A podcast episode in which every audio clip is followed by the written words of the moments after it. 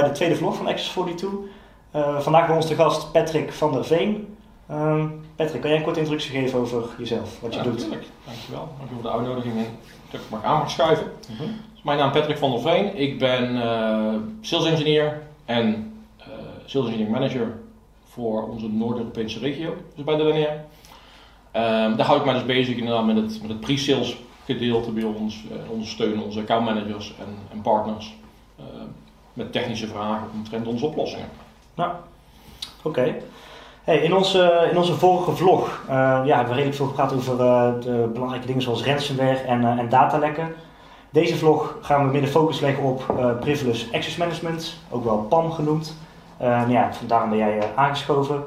Um, om toch een beetje de link te leggen tussen de vorige vlog en deze vlog, denk ik, als je als organisatie goed in controle bent over je privileged accounts, dat je nou ja, zeker daarmee de kans op uh, ransomware aanvallen kan reduceren. Uh, even aan jou de vraag, Patrick. Zou je in het kort kunnen uitleggen hoe jij privileged access management ziet en wat je eronder verstaat? Ja, privileged access management is eigenlijk een, een, een heel breed verhaal.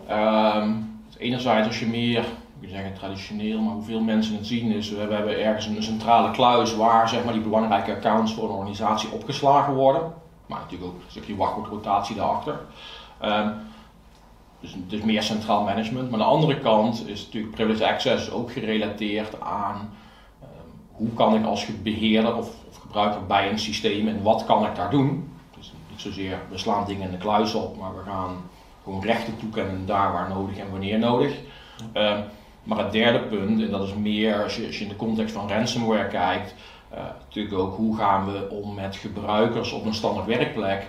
Um, zijn ze daar local admin? Dus hebben ze beheerdersrecht op zijn werkstation? Want uh, op het moment dat je beheerdersrechten weghaalt, uh, haal je eigenlijk al heel veel mogelijkheden voor iemand met slecht in de zin en, en die ransomware wil deployen, haal je al redelijk wat componenten weg. Dus PAM is eigenlijk het hele brede scala. Enerzijds laten we dingen op een veilige manier opslaan en beschikbaar maken, tot uh, mensen toegang geven daar, wanneer, daar waar ze het nodig hebben, wanneer ze het nodig hebben. Aan de andere kant, hoe gaan we ervoor zorgen dat we die werkplek van die gebruiker um, enerzijds zo ver mogelijk dicht zetten, maar aan de andere kant ook die gebruiker de mogelijkheid geven om te kunnen doen wat ze moeten doen zonder dat je productiviteit uh, gaat beïnvloeden. Ja, dat is een, uh, een duidelijk verhaal denk ik zo. Uh, wat ik nu graag zou willen belichten. Ja, wij bij Access 42 doen natuurlijk uh, een aantal security testen bij, bij onze klanten, waarbij we nou ja, de beveiliging van, van hun testen. En daar komen wij in de praktijk altijd een aantal dingen tegen. En ik ben heel benieuwd hoe jouw kijk is op die dingen vanuit nou ja, het privilege access management perspectief. Um, twee dingen die wij voornamelijk zien, is dat wij tijdens het testen heel vaak tegenkomen dat er accounts zijn die echt onnodig veel rechten hebben. Dus ja, uh, accounts die worden rechten toegekend terwijl ze eigenlijk helemaal niet, niet, nodig hebben. En daarbij zijn er, uh, zien we vaak bij organisaties dat er gewoon te veel privilege, high privilege accounts zijn. En dat organisaties ook zelf het overzicht kwijt zijn tussen uh, al deze accounts en waar de accounts aan staan. Hoe zou een PAM-oplossing daarbij kunnen helpen? Ja, dus eigenlijk als je kijkt een, als je kijkt naar private accounts in de, brede, in de breedste zin, is heel vaak natuurlijk de vraag wat, wat voor private accounts zijn er? Waar worden ze voor gebruikt? En natuurlijk ook door wie worden ze gebruikt. Um, en om daar meer controle over te krijgen, is natuurlijk wat je, wat je vaak ziet. Een eerste stap die organisaties doen, is zeggen, nou, laten om te beginnen die private accounts die we hebben, die we kennen, die we weten dat er zijn, laten we die in ieder geval op een gecontroleerde manier, dus op een, op een centrale plek, opslaan. Dat we weten wie heeft er toegang tot die accounts en weten uh, wie die accounts uiteindelijk gebruikt. Dat is vaak die eerste stap om daar meer controle over te krijgen. Omdat je dan aanvullend eigenlijk kan gaan zeggen. Um, Zo'n account heeft misschien een wachtwoord en misschien weet een halve afdeling het wachtwoord van een domain admin account bijvoorbeeld. Um, op het moment dat je dus meer die, centrale, die centralisatie gaat doen en dat combineert met bijvoorbeeld wachtwoordrotatie, um, eenmalig gebruik van een wachtwoord, uh, exclusiviteit van de account, dan natuurlijk heel veel zaken al heel weg. Ja. Um, maar dan praat je natuurlijk eigenlijk primair over het wat ik weet dat er is.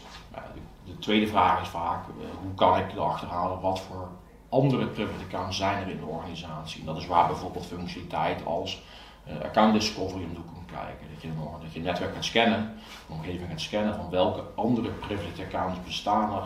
Denk aan service accounts, admin accounts op systemen, domeinachtige, domain-adminachtige accounts.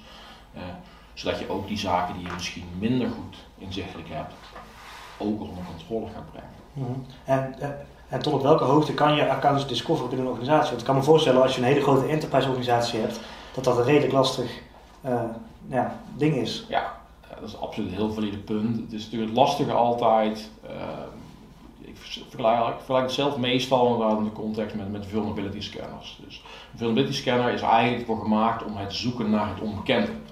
Dus vulnerability scanner is vaak zo goed als hoeveel scanners hebben ze en wat voor, wat voor coverage is daar. kan, kan daar heel veel. Eh, als je dat natuurlijk vertaalt naar, naar privileged access management, ja, je moet natuurlijk wel weten waar je naar zoekt. Um, out of the box, en dat is met een oplossing als die van ons of met wat er verder in de markt is, uh, qua onze collega's. Van wat voor een scanners of wat voor een discovery opties zijn er in een organisatie. Dus het is vaak, weet je, wat we meer zien in de praktijk, een combinatie van technologie, dus uh, nou, ik zeggen wat meer gangbare zaken en plekken waar je naar kan kijken.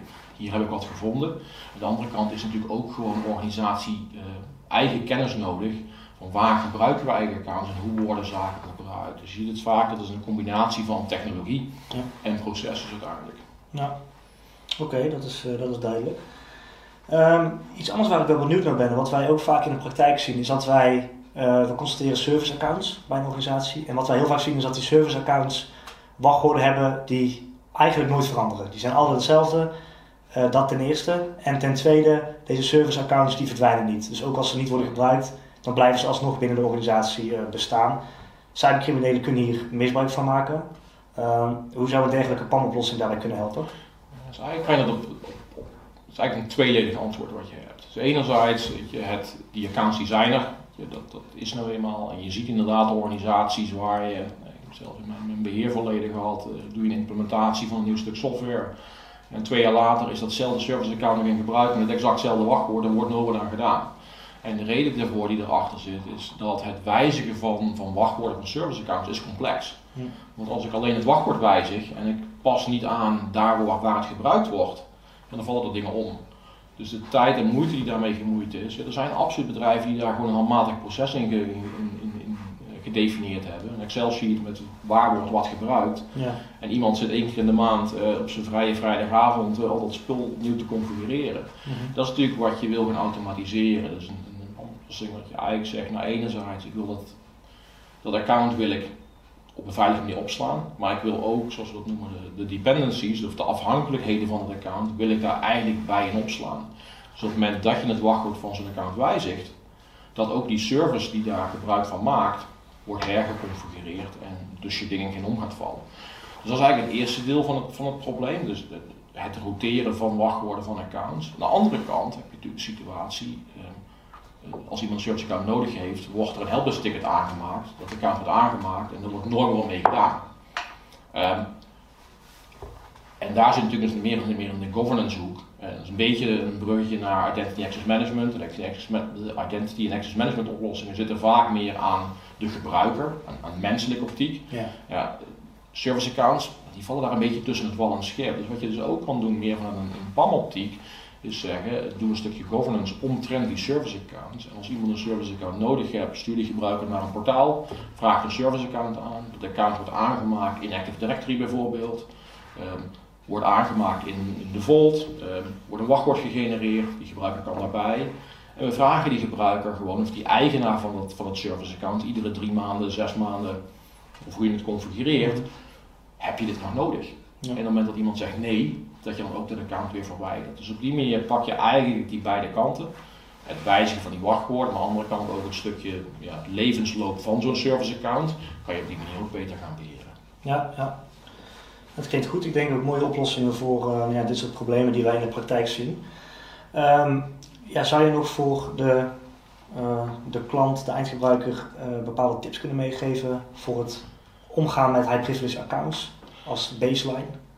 Ik denk zeg maar, dat, dat, zie je ook meer en meer voor organisaties. Ik denk de eerste stap is vooral zorg ervoor dat je je privilege accounts dat centraal gewoon beheert. Uh, waren dat je, in de eerste stap een keypass of, of een Excel sheet met een wachtwoord, weet je, het is een, een, een redelijk analoog of een redelijk simpele insteek die je daarop neemt.